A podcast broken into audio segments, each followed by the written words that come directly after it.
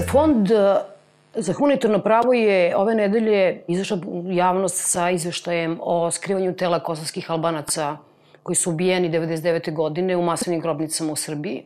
Da podsjetimo na te toponime državnog zločina, dakle, govorimo o Batajnici, o Perućicu, Petrovom selu i Rudnici, ali tako. I govorimo o tome da je tamo bačeno, ne znam koji drugi termin da upotrebim, bačena su tela skoro hiljadu ljudi, znači 944. Videla sam neki naslove u novinama za koje moram da kažem da su me malo iznervirali zbog toga što su izvukli jedan deo vašeg e, izveštaja i rekli su Milošević je naredio da se skrivaju tela uh, kosovskih albanaca, što je očigledno tačno sudeći po vašem izveštaju. Međutim, da bi se sakrila tela toliko ljudi potrebno je potrebna je velika infrastruktura i ljudska i, i potrebne su mašine razne. Jel? Obično se pita zbog čega se sad izlazi sa tim izveštajem. Prvi leševi su otkriveni 2001. godine, Prethodne vlasti su u ogromnoj meri pričutkivale, zataškavale i oportunistički se obhodile prema tome. Međutim, ove nove vlasti su otišle korak dalje, zapravo na veliku scenu su uvele ljude koji su osuđeni ratni zločinci, I samo ću napomenuti nekoliko stvari. Dakle, jedna je poseta krajišnika predsedniku Nikoliću.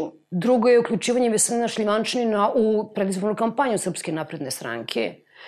Treća stvar je koja nije toliko nova, da je Guri član glavnog odbora Srpske napredne stranke. Gospođa Danica Maksimović, koja je bila istražni sudija na Kosovu, to doba... Marinković, pardon. Ona je promovisana u borca za uh, borbu protiv korupcije, dakle postaje članica Agencije za borbu protiv korupcije.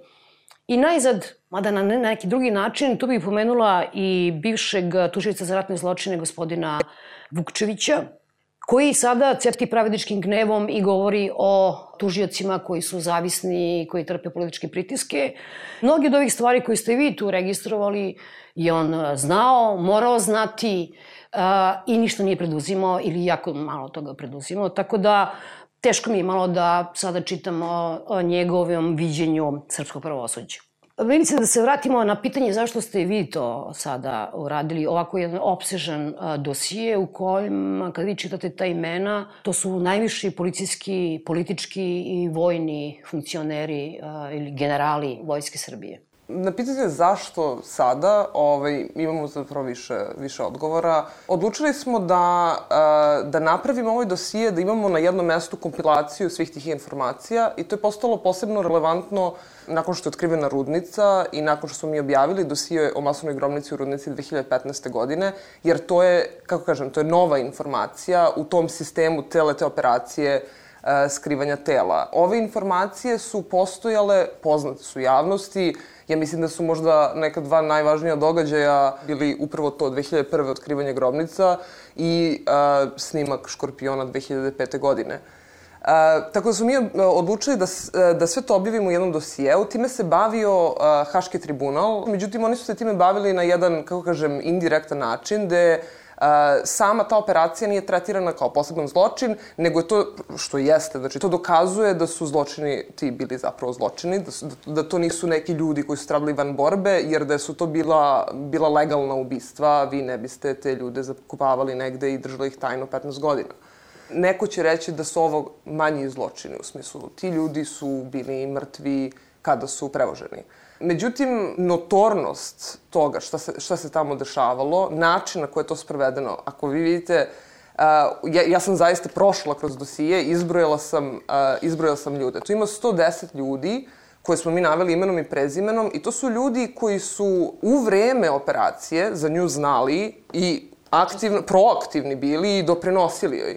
I to su naravno mahom a, ljudi iz vojske i policije, ali tu su predstavnici nekoliko državnih a, preduzeća. To su preduzeća, na primer, za, za transport, to su preduzeća državna koji imaju peći u kojima mogu da se svaljaju tela. Tu su učestvovali predstavnici sudova, tužilaštava na lokalu, lokalna policija, domovi zdravlja, imamo, imamo tehničari iz domova zdravlja koji izlaze na teren da slikaju te ljude. Dakle, to su svi znali. To je državni zločin, to je bila državna logistika i drugačije se to ne bi izvelo. I naravno, zbog toga mislimo da je jako važno da se pokaže da je, da je zapravo ceo državni aparat bio, bio uključen od, od ta pitanja kako, kako su državna autobusi državnih preduzeća prevozili ljude u, u Srebrenici, kako su autobusi državnih preduzeća iz Srbije prevozili ljude iz Šljivovice i Mitropolja. Dakle, to je, to je jedan sistem koji je tako funkcionisao sve vreme tokom tih ratova. I ovo smatramo apelom da država pojača napore u potrazi za, za nestalim osobama, zato što je krajnje vreme. Tri ove masovne grobnice su otkrivene 2001. godine i od tada mi nemamo ništa. Rudnica jeste otkrivena 2013. godine, ali to nisu, to nije rezultat rada naših državnih organa. Podsećam, imamo komisiju za nestale, dakle, telo koje treba samo time da se bavi, ali a, direktor tog tela ima sedam funkcija, a, to, ta, ta komisija hronično nema novac. Dakle, iskopavanje, istraživanja koje se danas događaju, na primjer na lokaciji isto u, u Raškoj, to se isključivo finansira iz, iz inostranstva. E, tako da smatramo da je, da je užasno važno da, da država pojača te napore, jer prošlo je, evo, koliko godina, kada govorimo o Kosovo, prošlo 17 godina, mi imamo preko hiljadu Albanaca koji su, koji su još nestali u vezi sa ratom na Kosovu. Postoji pretpostavka da su oni, da su oni nalaze u nekim masovnim grobnicama u Srbiji. U ove četiri grobnice pronađeno je 941 telo iz otprilike 25 zasebnih masovnih zločina I iz tih zločina i danas fali, da kažem, nestale su 122 osobe. Gotovo je izvesno da se te osobe takođe nalaze uh, u nekim masovnim grobnicama u Srbiji, a mi za njih još uvek danas ne znamo, a postoji Uh, postoje sasvim konkretni način na koji ta komisija može da, da preduzme korake, da, ne, da, da rešava pitanje njihove sudbine. Uh, malo pre si rekla da se još uvek vodi uh, kao nestaleš hiljadu Albanaca, koliko ja znam, negde još od 500-600 Srba, Jest. tako? Sada da se vratimo samo na ove Albanci, uh, tih hiljadu nestalih Albanaca, pošto pretpostavljam da su i kosovski Albanci zajedno sa međunarodnim institucijama prekopali Kosovo, jel, tražeći ta tela, Negde je logično takođe zaključiti da se veliki broj tih nestalih vodi u stvari da je negde u Srbiji, na teritoriji Srbije. To nekako logično mi izgleda. Vrlo je, vrlo je moguće. Postoji niz nekih potencijalnih lokacija za koje se misle da je tamo. Naravno, to su uglavnom te neke lokacije kao što to su uvek neki kamenolomi, neke močvare, to je nepristupačan teren. I be, bez insajdera koji će da priča o tome, a, to je gotovo, gotovo nemoguće uraditi. I... A šta je problem sa insajderima? Zato što su insajderi loše prolazili i zbog toga što se vidi da u državi ne postoji volja, naprotiv, da se Apsolutno, to su, ti ljudi su izdajnici i tu ne postoji nikakva volja. I, mislim, postoje vrlo efikasne metode, na primer, imati anonimnu liniju. To je uvedeno bilo u Republici Srpskoj na osnovu tih takvih poziva anonimnih, oni su otkrili jako puno masovnih grobnica. Jer mi, kada, kada govorimo o slučajevima nestalih osoba, to je jako specifičan zločin i to ima posebne posledice za porodice i to, to treba imati vidjeti. To su verovatno a, jedine porodice koje više čak i ne zanima ta krivična pravda. Njih više ne zanima da li će taj neko da odgovara, njih zanima da pronađu svog nestalog člana. Na osnovu kojih materijala, odnosno koji dokaza vi ste mogli da sastavite ovaj jedan takav izveštaj? I drugo, da li ste dobili informacije od zvaničnih vojnih ili policijskih organa. Za ova naše istraživanja mi koristimo, da kažem, imamo dve velike kategorije podataka. Dakle, fond unazad još, kada govorimo o Kosovo, od rata radi to istraživanje ljudskih gubitaka. Dakle, istražuju se svi slučajevi uh, ubistava nestanaka lica, civila, boraca, znači svi se dokumentuju i sve, sve etničke grupe.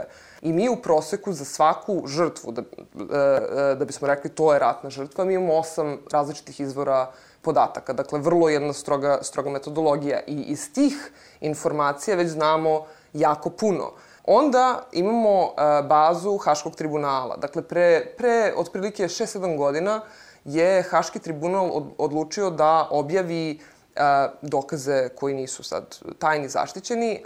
U toj bazi podataka tu ima preko 100.000 dokumenta, najrazličitijih od to su, to su autentična vojna policijska dokumenta, njihovu autentičnost nisu sporili ljudi u postupku optuženi. Tu imamo borbene izveštaje, tu imamo e, naređenja za, za napad, imamo... To su jako vredni izvori, jer ako mi a, mi, mi kada, kada, kada uporedimo ta dva, ta dva izvora za, za neki uh, incident, uh, to, to daje jednu prilično jasnu sliku o tome šta se, šta se dogodilo. Kako kaže, mi znamo da, da je, na primjer, ta osoba ubijena na tom mestu. I imamo izjave svedoka, kažu, uh, počeo prvo artiljerijski napad iz tog pravca, videli smo tenkove na brdu, mi smo se onda sakrili, onda su ušli neki, ubili nas, oni su izgledali tako, uniforme takve, imali su žutu traku na ruci I onda odemo u bazu podataka i kaže, vidimo šta se dešavalo 5.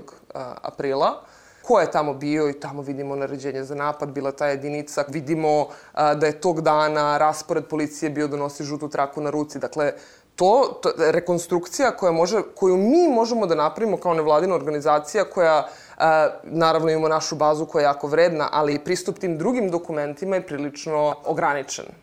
Zbog toga mi se obraćamo državnim institucijama da nam do, po, po, na osnovu zakona o slobodnom pristupu informacijama i tražimo da nam dostave, e, dostave relevantne podatke. To je važno napomenuti. Baza Haškog tribunala ima samo one dokaze koje se tiču zločina koje su procesuirali, a oni nisu procesuirali sve zločine. Konkretno, ako pričamo, na primer, o dosijeu Rudnica, zločinu Rezali, to nije bilo obuhvaćeno ni jednom presudom, ni, jednom, uh, ni jednim postupkom pred Haškim tribunalom i tu nema dokaza. I, na primer, zločin se desio 5. aprila, mi se obratimo Ministarstvu odbrane, tražimo borbeni izveštaj te, i te jedinice, u ovom slučaju to je 37. brigada, da nam dostave njihov borbeni izveštaj. I oni po pravilu kažu da to a, ne postoji. Ministarstvo odbrane i MUP a, redovno odbijaju sve naše zahteve za informaciju. A, slobodno mogu kažem, način na koji to rade je, je nezakonit, očigledno nezakonit. U nekim slučajevima to je to je falsifikovanje javne isprave, to je krivično delo. Ako vi kažete da neki dokument ne postoji, a postoji, to je krivično delo. I mi smo čak u nekoliko slučajeva to testirali. Mi smo tražili dokumenta koja, koja mi imamo, odnosno ima ha, eh, Haška baza i tražimo, oni kažu da taj dokument ne postoji. To je, to je krivično delo. Poverenik, naravno, u tim slučajima rešava u našu korist, međutim, i njemu su a, ruke u dobroj meri svezane, zato što, a, ako se sećate, evo, pre par meseci imali smo situaciju da je Republičko javno tužilaštvo podnelo deset tužbi protiv poverenika zato što on narušava interese vojne Republike Srbije, jer je to glavni odgovor. To bi narušilo funkcionalnu sposobnost vojske da, da brani zemlju. Znači, to je odgovor u situacijama kada mi tražimo imena, na primer, načelnika odeljenja za sanaciju terena. Kako kažem, sasvim je očigledno da je to jedna, jedna mera, to je sistem. A, najbolji primer za to je kada smo radili istraživanje za dosije Rudnicu, mi smo prve zahteve za informacije počeli šaljemo u julu 2014. godine. Odmah nakon prvog zahteva, dakle u julu, e, tadašnji ministar odbrane Bratislav Gašić je doneo odluku kojom se kompletna arhiva 37. brigade proglašava tajnom e, na period od, od 30 godina. Naravno, iz naših zahteva je bilo veoma jasno šta mi radimo i šta mi istražujemo. Jasno je bilo da, da pokušavamo da utvrdimo vezu između 37. brigade i masovne grobnice. Prema zakonu o tajnosti podataka ne sme kao tajni podatak biti proglašena dokument, informacija koja može pomoći otkrivanju krivičnog dela. Dakle, to je očigledno nezakonito, a kažem u nekim slučajima to, to su reči o krivičnim delima. Šta oni rade? Sada mi je Milica podsjetila na tu strašnu sintagmu koju smo čuli a, sanacija terena ili sanacija terena.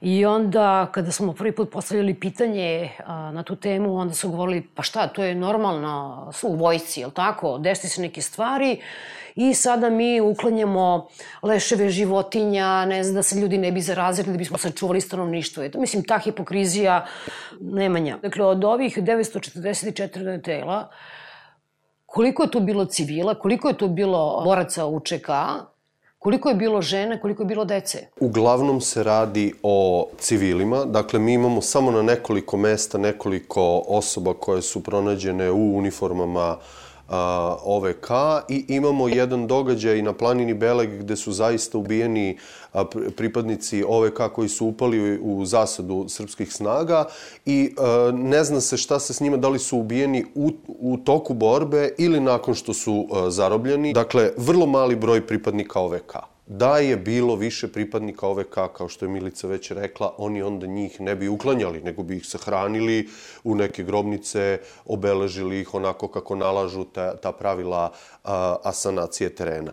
Asanacija terena postoje apsolutno, i mi smo to i ovde u nekim prethodnim dosijejima naveli, šta ona podrazumeva po pravilima vojne službe. Dakle, tačno se zna šta vi treba da uradite unutar tog procesa, a sve to što treba da uradite nikako ne može da rezultira time da vam izrone masovne grobnice pored e, velikih srpskih gradova ili da vam isplivavaju iz e, reka i jezera. Dakle, vrlo je jasno da je termin sanacija ili asanacija terena na sastancima najvišeg državnog vrha korišćen upravo za prikrivanje zločina. Dakle, to je, to je jasno. Da se vratim na ovu strukturu, uglavnom se radi o ubijenim muškarcima, civilima koji su ubijeni van borbe, bez oružja. Da se radi o egzekucijama e, u prilog tom zaključku govori i činjenica da je veliki broj njih, blizu polovine ovih otkrivenih,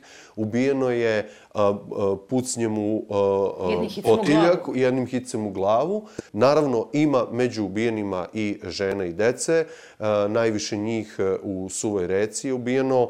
Imamo taj jedan zločin gde je stradalo 49 ljudi. Većina su žene i deca koje su e, ubijeni u jednom groznom zločinu u pizzeriji u centru grada gde su ubačeni u tu pizzeriju i Policajci su ih ubili, bacili su tu bombe, onda su posle ih još rafalima dokrajčili. Troje ljudi je uspelo da preživi čak i to. Onda imamo taj jedan ceo put i taj zločin u suvoj reci je u dobroj meri paradigmatičan kad govorimo o ovim stvarima. Oni su tu ubijeni, zatim su ubačeni u kamione i prevezeni na jedno strelište u blizini Prizrena i tamo pokopani. Tu su e, bili nekoliko dana pokopani, onda je došla mehanizacija, otkopala ih, ubačeni su u kamione i onda su transportovani u Srbiju. Njihova tela, dela tih žrtava, otkriveno su u masovnoj grobnici, u jednoj od masovnih grobnica u Batajnici. Bilo je mnogo slučajeva gde se porodicama preda telo ubijenog. Oni ga pokopaju, a onda posle nekoliko dana dođe neko, to jest vojska ili policija, i iskopaju ta tela. Dvostruko, nekako kažem, ubistvo, jel? Da vi predate rodbini ta tela koji, koji ga sahrane, a onda ih kidnapujete u stvari tako iz tih grobova tako i vozite ih negde za Tako je, bilo je slučajeva, recimo u izbici su tako pokopana tela i onda je došla vojska ili već ko, po, govorimo izjavama svedoka, iskopali su ta tela. Postoje video snimci gde su ih sahranjivali, eh, postoje grobnice iskopane i vidi se kako sahranjuju ta tela. Tih tela više nema, ta tela su otkrivene u Srbiji u jedan deo, naravno, tih tela otkriven je u Srbiji u masovnoj grobnici u Petrovom selu. Dakle, mi smo se trudili da utvrdimo eh, ne ko je ubio te ljude, naravno da smo u dosije uneli i podatke o tome ko je ubio te ljude u onoj meri u kojoj smo to znali, ali krenuli smo od trenutka kad su oni ubijeni da vidimo šta se onda sa njima dešavalo. Već činjenica da su tela u Srbiju dopremljena sa velikog broja lokacija sa Kosova iz najmanje 14 opština govori u prilog činjenici da se nikako nije moglo raditi o, odnosno zaključku da se nikako nije moglo raditi o nekoj odluci na nekom nižem nivou nekih nekoliko, eto tako, ludaka koji su ubili pa hteli da prikriju taj zločin. Milica je pomenula 110 ljudi smo mi identifikovali ovde imenom i prezimenom. Mimo toga, postoji neverovatan, neverovatno veliki broj ljudi koji su u tome učestvovali. Dakle, vi u jednoj situaciji imate da je vlasnik lokalnog restorana dao čaršave da se tela umutavaju dok su ona bile uklanjana. Na drugom mestu imate nekog šefa komunalnog preduzeća koji svoje radnike instruira i naređuje im da kopaju leševe. Ljudi koji su iskopavali te leševe, koji su njima manipulisali, koji su o tome svedočili, govore o tome. Tamo je bilo pet policijskih Pinsgauera, tamo je bio policijski kamion, tamo je stajala grupa od 10 policajaca, tamo je stajala grupa od pet policajaca. Mi naravno sve te ljude nismo mogli da identifikujemo imenom i prezimenom, ali ako bismo u, za ovu potrebu obuhvatili i sve njih koji su učestvovali u tome, ja sam ubeđen da se tu radi o minimum hiljadu ljudi koji su u svemu tome učestvovali i verovatno mnogo, mnogo hiljada ljudi koji su za to znali. Kada su svedočili policajci o tome kako su tu hladnjaču iz Dunava kod e, Tekije, odnosno Kladova, izvlačili, oni su u jednom periodu morali da zatvore e, taj magistralni put da bi te leševe izvukli iz Dunava i pokopali ih tu na jednu obližnju poljanu kako im je iz Beograda naloženo. Onda kad su zatvorili put, tu su automobili stajali, šta se dešava? Pa su ljudi dolazili, pa su tu gledali. Pa su... Dakle, u tim malim sredinama ogroman broj Mogu da dodam, ljudi... kada je, kada je otkrivena masovna grobnica u Rudnici, mi smo otišli tamo da vidimo, eto, tako da se to nalazi. Ne možemo da nađemo, znamo da je kamenolom, pa kao vidjet ćemo kamenolom. Ove, na kraju, naravno, pitamo ženu, tu, u tom trenutku smo bili 15 km od same lokacije. Jel znate gde je ova masovna... A da, da, eno, tamo, pa tamo levo. Naravno, svi znaju, a da ne kažem, ta masovna grobnica je to je na magistralnom putu. Apsolutno je svako u tom kraju znao šta se tamo događa.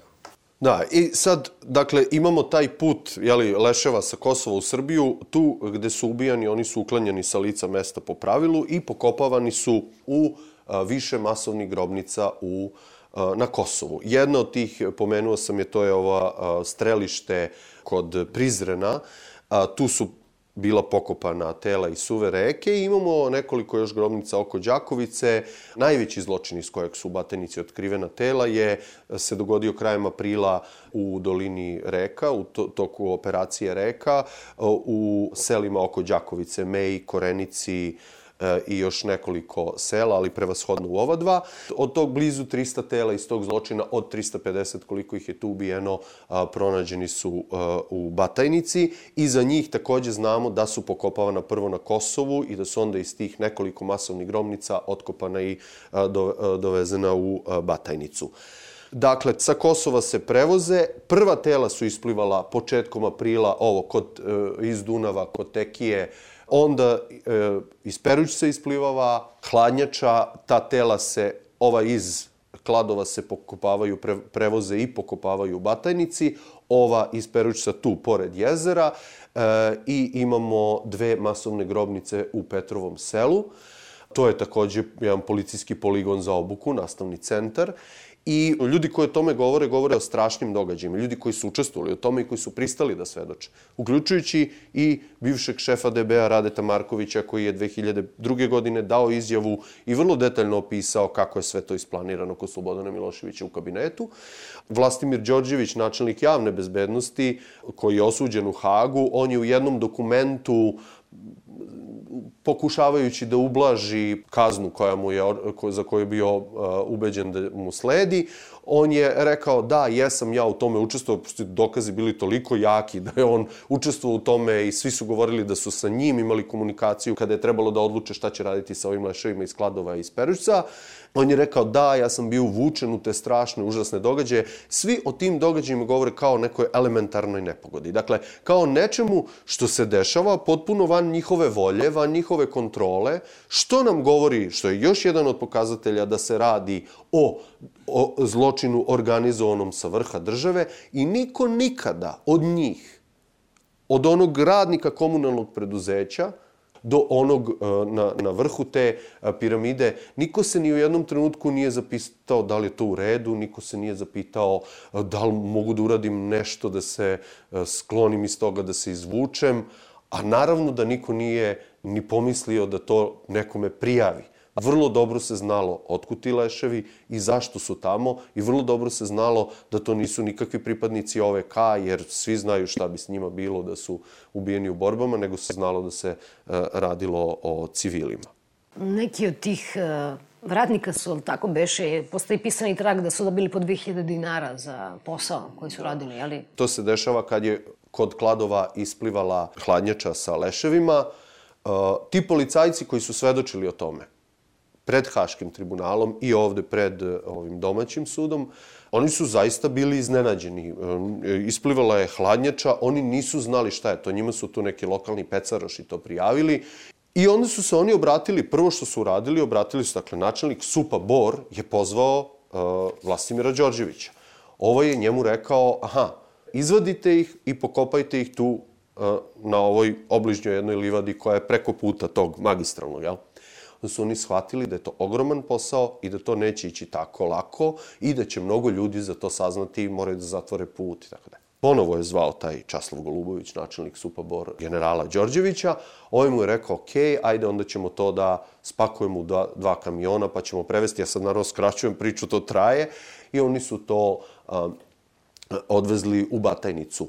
Policajci, naravno, koji su tu bili, oni nisu bili ekstra plaćeni, bar ne da mi znamo, jer to je njihov policijski posao u to vreme nalagao i su to tako shvatali, ali oni iz komunalnog preduzeća, njih petorica najmanje, imamo dokument gde general Dragan Ilić prvo traži od Vlastimira Đorđevića, Dragan Ilić koji je jedan od bitnih figura ovde i za koga mi u ovom trenutku nemamo pojma ni da li je živ, ni gde se nalazi. Policija odbija da da uh, bilo kakve podatke o njemu, kažu da oni ne raspolažu nikakvim podacima. Kako moguće da ne raspolažete podacima o nekome koji je uh, bio načelnik uh, uprave kriminalističke policije MUPA Srbije, dakle jednog od najvažnijih um, delova policije. On je tražio od Đorđevića isplatu e, novca za te ljude i imamo dokument e, gde on traži, gde ovaj isplaćuje i gde se isplaćuje ovima e, na terenu po 2000 dinara, njima, njih petoro je primilo novac i njihovi potpisi tu stoje. U to je bio umešan i jedan visoki policijski službenik Vladimir Aleksić, čiji se takođe potpis nalazi u ovom lancu isplate ovih e, dnevnica za radnike e, komunalne službe. On je penzionisan 2004. godine, MUP nam je to dostavio, rekli su da on otišao u penziju i inače većina njih danas živi mirne penzionerske dane. E, jedini ko je tu postradao u celoj toj priči su oni koji su 2001. radili istragu, i koji su pomislili da je okej biti dobar policajac i da je, i da je dobro istražiti kriminalne radnje unutar policije, ali sve je to trajalo u najboljem slučaju do ubistva uh, Zorana Đinđića.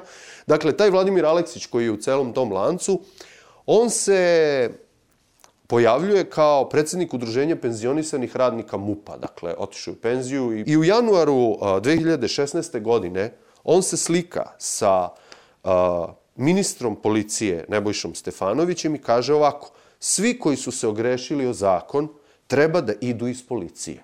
Podrška ministru Stefanoviću, naravno. Da se nadovežem na ono tvoje sa početka, Nikola Šajnović, kad je Šajnović, pušten da, da. iz zatvora nakon odslužene kazne, odmah je kooptiran u glavni odbor i jednog ga još uvek sedi u glavnom odboru Socijalističke partije Srbije. I to je ono vreme gde smo mi danas došli i ako ga poredimo sa tom 2001. drugom, trećom godinom, kad mi takođe nismo bili zadovoljni kojom se brzinom rešavaju stvari, nismo bili zadovoljni zato što nema lustracije, ali to su zlatne godine otkrivanja tih zločina. Ja moram da kažem, 2001 godine istraga radne grupe MUPA je trajala vrlo, vrlo kratko. To su se smenjivali ljudi sa kojima su oni radili razgovore te, ali i sa kojih postoje službene beleške. Um, oni su se tu smenjivali kao na traci. Od tada svedoci sve manje govore, od tada svedoci vide da u stvari uh, činjenica da su govorili njima je donela samo loše, a ništa dobro. Od tada mi imamo svedoke koji se povlače iz službe za zaštitu svedoka domaće ovde u Srbiji. Govore da su, umesto da budu čuvani, tamo zastrašivani.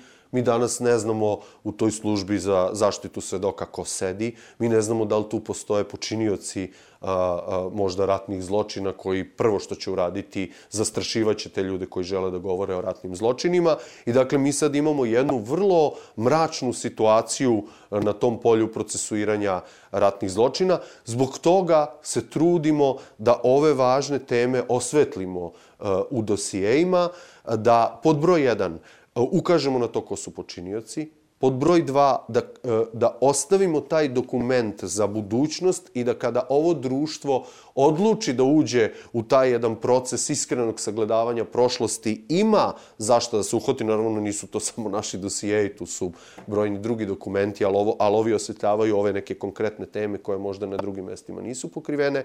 I treći razlog, naročito kad je ovaj dosije u pitanju, je ta potraga za nestalima. Jedna od uh, bivših sudija u veću za ratne zločine, jedna od mnogih koje su smenjene unazad uh, nekoliko godina, je a, jednom javno govorila, što je moglo da je dovede u jako nezgodnu situaciju, na jednoj našoj tribini rekla je kada bi buduće generacije zaključivale o tome šta se u ratu dešavalo na bazi presuda danas koje, koje se pojavljaju u našim sudovima, oni bi mislili da je da se tokom tog rata dešavali nekakvi incidenti, da su to neke pojedine grupe, pojedinci ubili jednu, dve Van osobe. Kontrole, e, ovo je u, to, taj doprinos. Da nisu bili incidenti, nego je reč o sistemskim državnim zločinima. Vrlo je važno da ne preskočimo sledeću stvar, da je ta odluka doneta u samom vrhu vlasti i da su je onda ispratili svi drugi jeli, organi onako po hijerarhiji. Rade Marković je dao izjavu tu 2001. godine, on je dao izjavu u centralnom zatvoru, on je pokušao te izjave pred sudom svedočići u procesu Slobodana Miloševića da se odrekne, rekao je ja, nije to baš tako kako je tu navedeno, međutim, on je tu izjavu potpisao je svaku njenu stranicu, i ljudi koji su od njega uzeli izjavu su pred tribunalom u Hagu potvrdili njih dvoje koji su bili zajedno s njim tu kad je davao izjavu, su potvrdili da je on upravo to rekao. On je tu opisao a, a, kako se to dešavalo i slični su zaključci posle i ove radne grupe. Ona je posle kraja maja 2001. godine objavila dva dokumenta koja su takođe bitna za celu ovu stvar, gde su opisali šta se sve dešavalo. Odluka o tome doneta je u martu 2099. godine u Belom dvoru, u biblioteci, tamo gde je predsednik Milošević sazivao sastanke, tako lepo opisuje Rade Marković. Kod Miloševića tada su bili, dakle, Milošević, Rade Marković, Vlastimir Đorđević, Vlajko Stojiljković i verovatno, kako kaže Marković, neko iz vojske. I mi smo ubeđeni na osnovu svega ovoga da je vojska sve to pratila. U toj njegovoj izjavi se kaže, posle policija bila nezadovoljna saradnjom sa vojskom na polju prikrivanja zločina i uklanjanja tela, ali da je onda saradnja se popravila, a to da je zarista vojsko nečom učestvovalo u najmanju ruku svedoči ovaj primer uh, Rudnice.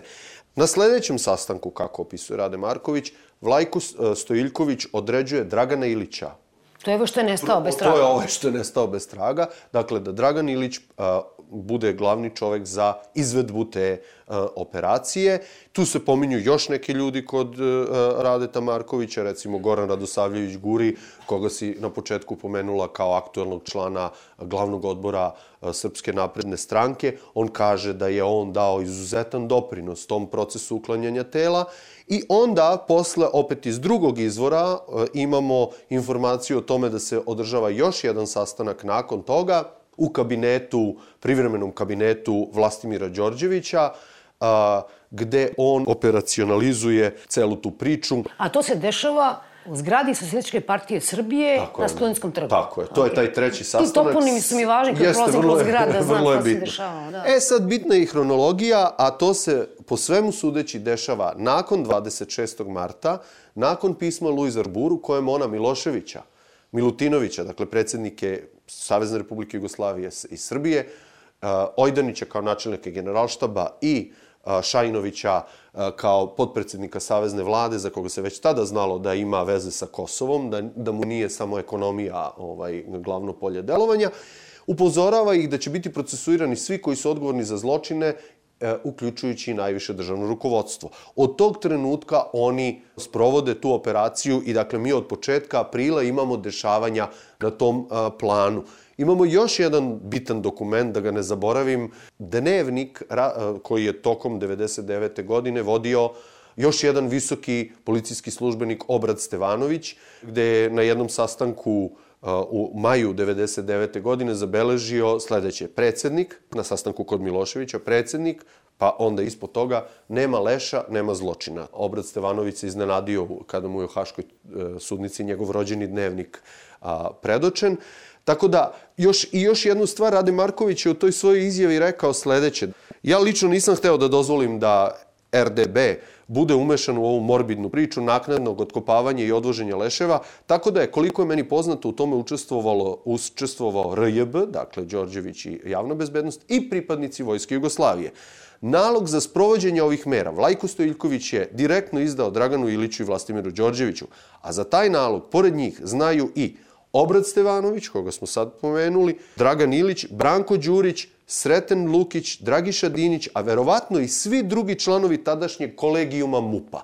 Dakle, nije to ništa rađeno ni u kakvoj tajnosti i kao neka zaverenička priča nekoliko ljudi, nego je ceo, doslovno ceo sistem policije i vojske bio upregnut e, u tu, u tu priču. Crvena nit koja je povezivala suđenje za ratne zločine ovde, to malo što ih je sprovedeno, a i to je stvar koja se nametnula javnosti, to rekla bih dosta uspešno.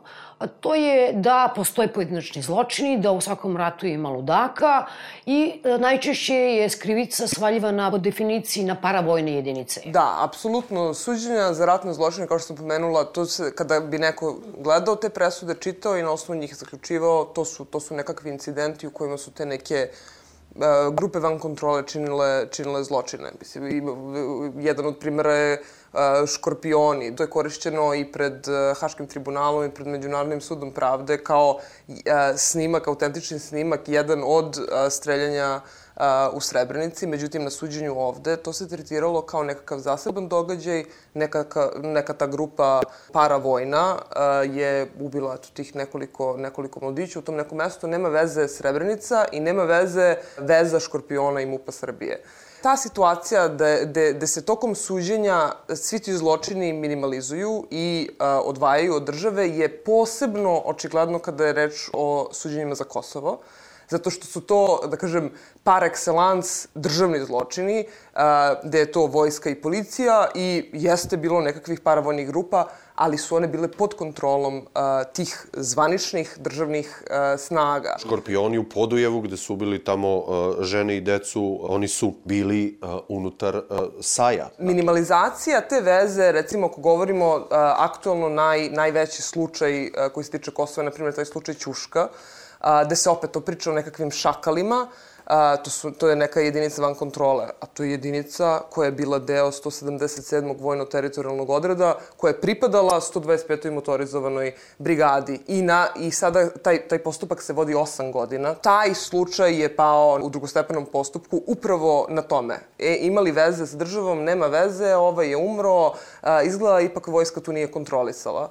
I mi kao uh, advokati uh, u tim postupcima smo se uvek zalagali za to da narušimo tu neku idilu uh, pravnu, pokušavamo upravo to da ukažemo na obrazac zločina. To nije incident, nego ta jedinica je ju, dan pre tog zločina je ubijala u ovom selu, dan nakon toga i sve su to počistili, ne znam, odeljenje za sanaciju te brigade. Mi imamo predmet jedan koji se vodi za Kosovo, to je ta poslednja optužnica, to je za zločin počinjen u selu Trnje, gde takođe ubijeni su samo civili a, i žene i deca.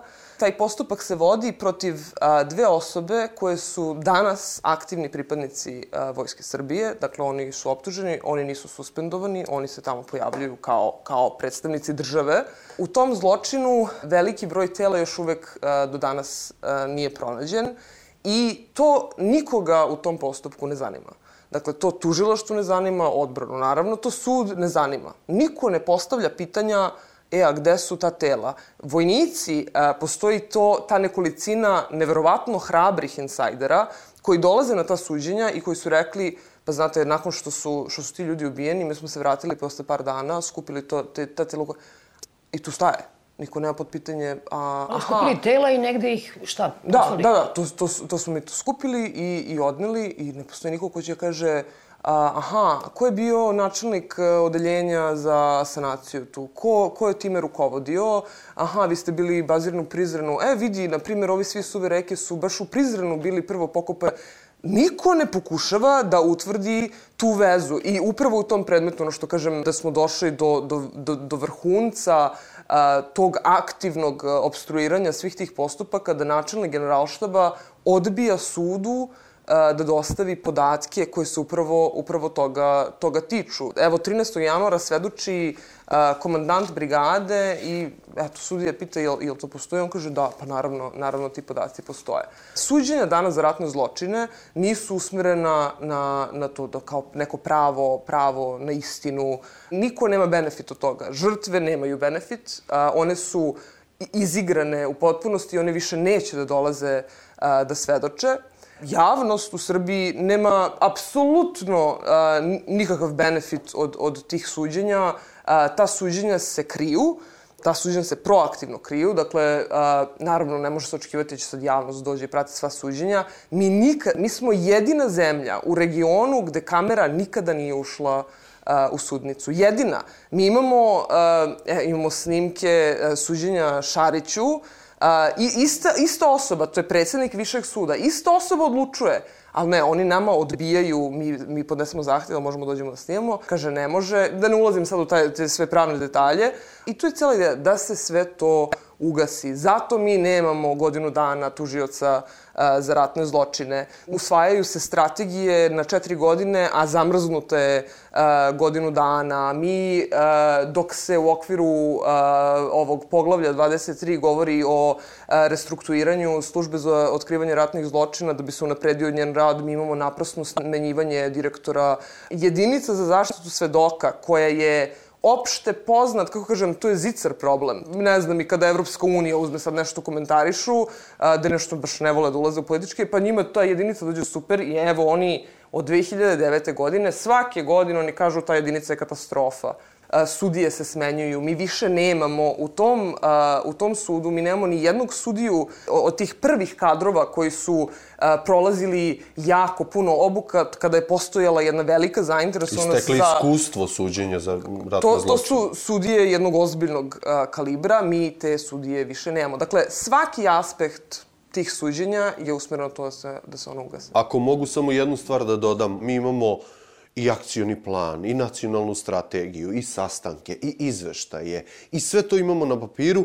Jedno obeležje je to pravljenje privida i drugo obeležje je ovo što je Milica pocrtala, potpuno odsustvo bavljenja onim srednje i više rangiranim oficirima unutar vojske i policije. Ako tim suđenjem u Srbiji dodate haške presude, onda ćete onda će to da vas navede na zaključak da su ovi Milošević, Đorđević, e, Lazarević i ostali, da su direktno, e, ne znam, Sreten Lukić javio škorpionima šta da urade u Podujevu. Dakle, apsolutno ne postoji nikakva između te dve grupacije je rupa, a da nije bilo Haškog tribunala, naravno da, ne bi, da bi rupa bila i ovde na ovom samom vrhu, da ne bismo imali a, ništa. Da ne zaboravimo, znači i Batajnica i govorimo o Petrovom selu, ljudi su pokopavani ispred nosa policijskih snaga. To su bili, je tako, poligoni gde se policija a, obučavala. Tako, tako je, to je poligon, to su poligoni i u Petrovom selu i u, i u Batajnici, to su poligoni, ovo je, ovo je poligon Saja, ovde je bio nastavni centar gde se posebne jedinice policije obučavale,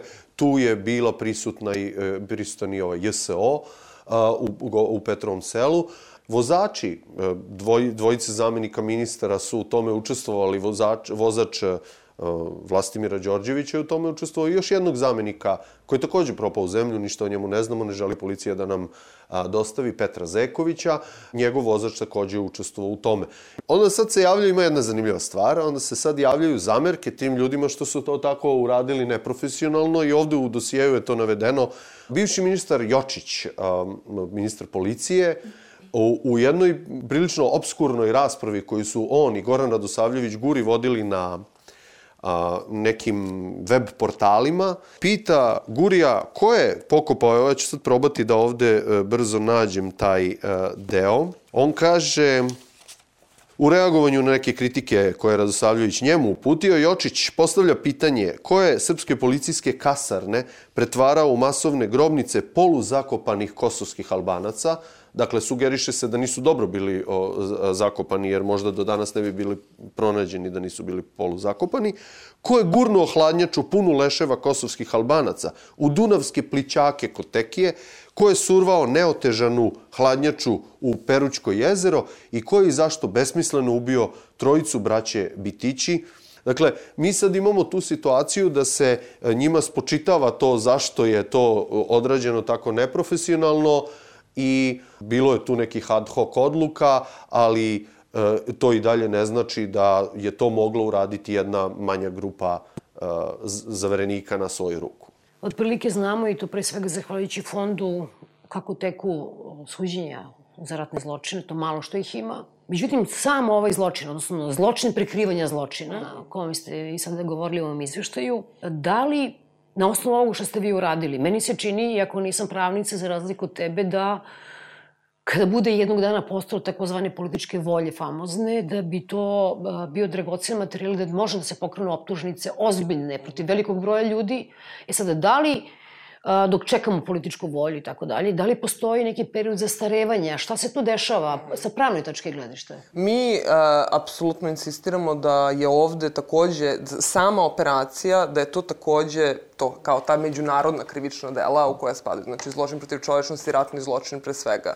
Tu i tamo kada bi se pomenula ova tema, mi bismo čuli a, da ovo delo, znači samo ovaj opis ove operacije, da je to klasično delo, obično delo iz krivičnog zakona koje se zove pomoć učiniocu nakon, nakon izvršenog dela i to kao i sva ta obična krivična dela zastareva.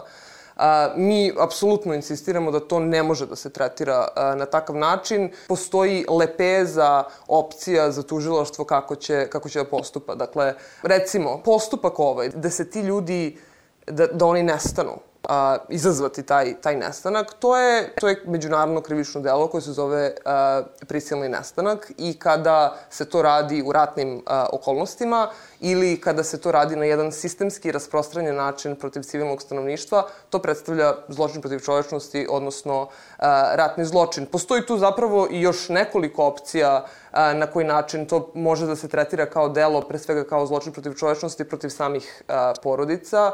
A, sad to ulazimo zaista u neke meni jako interesantne a, filozofske diskusije, da li postoje ljudska prava mrtvih ljudi i njihovih tela, praksa nam pokazuje da postoji. Mi, nažalost, ne, ne, nemamo a, jako puno prakse u svetu ovim povodom. Zapravo imamo jako malo. Na primer, imamo presudu u Švedskoj protiv a, Isisovog borca koji je jednoj osobi ocekao glavu i bilo je pitanje upravo to i to je smatrano nečovečnim postupanjem, odnosno napadom na ljudsko dostojanstvo, koje kada se čini u a, ratu je ratni zločin ili kada se čini na sistemski rasprostranjen način, to predstavlja zločin protiv čovečnosti nije bitno da li će ovo neko ikada pročitati. Ove i druge naše dosijeje, vaše apele, naše krivične prijave i sve drugo što može da se preduzme kad, su, kad je u pitanju procesuiranje ratnih zločina treba se desi u narednih 10 ili 15 godina. Nakon tog perioda dokazi će da izblede, svedoci više neće biti živi i na kraju krajeva neće biti živi niti počinioci ili dobar deo njih. Vrednost ovih stvari ostaje i za taj jedan proces suočavanja sa prošlošću koji ne mora da usledi ove godine, nego može da bude i za 50 godina. Nadamo se da neće biti baš za 50. Ali kad je u pitanju ova konkretna tema uh, uklanjanja dokaza o zločinima tokom rata na Kosovu, uh, ja ću reći E, samo jedan podatak. Evo da se ograničimo samo na zločine koji su ovde pobrojeni, dakle iz kojih su tela uh, pronađena u masovnim grobnicama u Srbiji. Manje od jednog, 1% tih uh, zločina je procesuiran, ne uklanjanje tela, nego ubistava tih manje od 1% je procesuiran.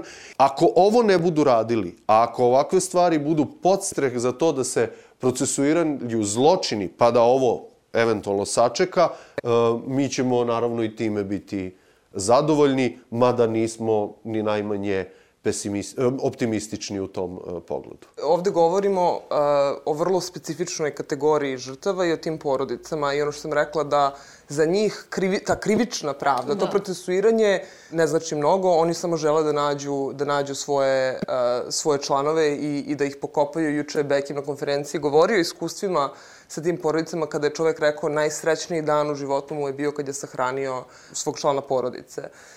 Zato mislim da je ovde važno govoriti da ta krivična pravda je potpuno izneverila te žrtve, ali i svi ti drugi, nazovimo, mehanizmi tranzicione pravde, a to su zapravo nekakvi državni mehanizmi, metode kojima se pruža nekakva satisfakcija ljudima. Svi su oni te ljude izneverili. A, niko od porodica ovih žrtava a, nema pravo na, na primjer, naknadu, naknadu štete, zato što je ceo a, pravosudni aparat napravljen tako da žrtve ne mogu da, da dobiju, dobiju taj novac, iako postoji izričita zakonska odredba koja im dozvoljavaju, ono se tumači tako da, a, evo, prošlo je 3 do 5 godina, vi ne možete, prošao vam je rok, ili nemate krivičnu presudu, a niko nema krivičnu presudu jer se ne procesuira. Dakle, tu su a, žrtve takođe a, izneverene i najzad a, ono s čime bih ja žela da zaključim, 16 godina je prošlo od kada su ove tri prve masovne grobnice otkrivene i tri od ove poslednje i vi danas kada odete na te lokacije ne postoji ništa što bi moglo da kaže, znate, ovde su pronađene stotine civila, desetine dece i žena i niko, niko to, to ne zna, a tek neće, neće se znati u budućnosti. Mi smo zato inicirali jedan taj, jednu inicijativu koja se zove Batajnica inicijativa za memorijal, odnosno za pravljanje spomena obeležja i peticija je sad u toku i naravno pozivamo sve da to potpišu, ali ajde ostavimo sad po strani što ne empatišemo, ali ako se mi ne sećamo toga šta se desilo, pa čak iz naj, najsebičnijih interesa, valjda za ovo društvo, jel, valjda za ovo društvo e, važno se zna da su e, nekakva deca pokopavane u neke rupe samo zato što su albanske nacionalnosti. 744 ljudi je pokopano u Batajnici i ono najmanje što možda se očekuje da se to mesto obeleže, tako? tako je. Ali mm. Da. danas se to koristi kao poligon za vežbanje. To je sve i dalje u, u funkciji, funkciji, u funkciji policije. policije. Da, da, da. S tim da su ta mesta fino poravnata, da se ne bi uopšte bilo kakvo sećanje e, postojalo na to. Thank you.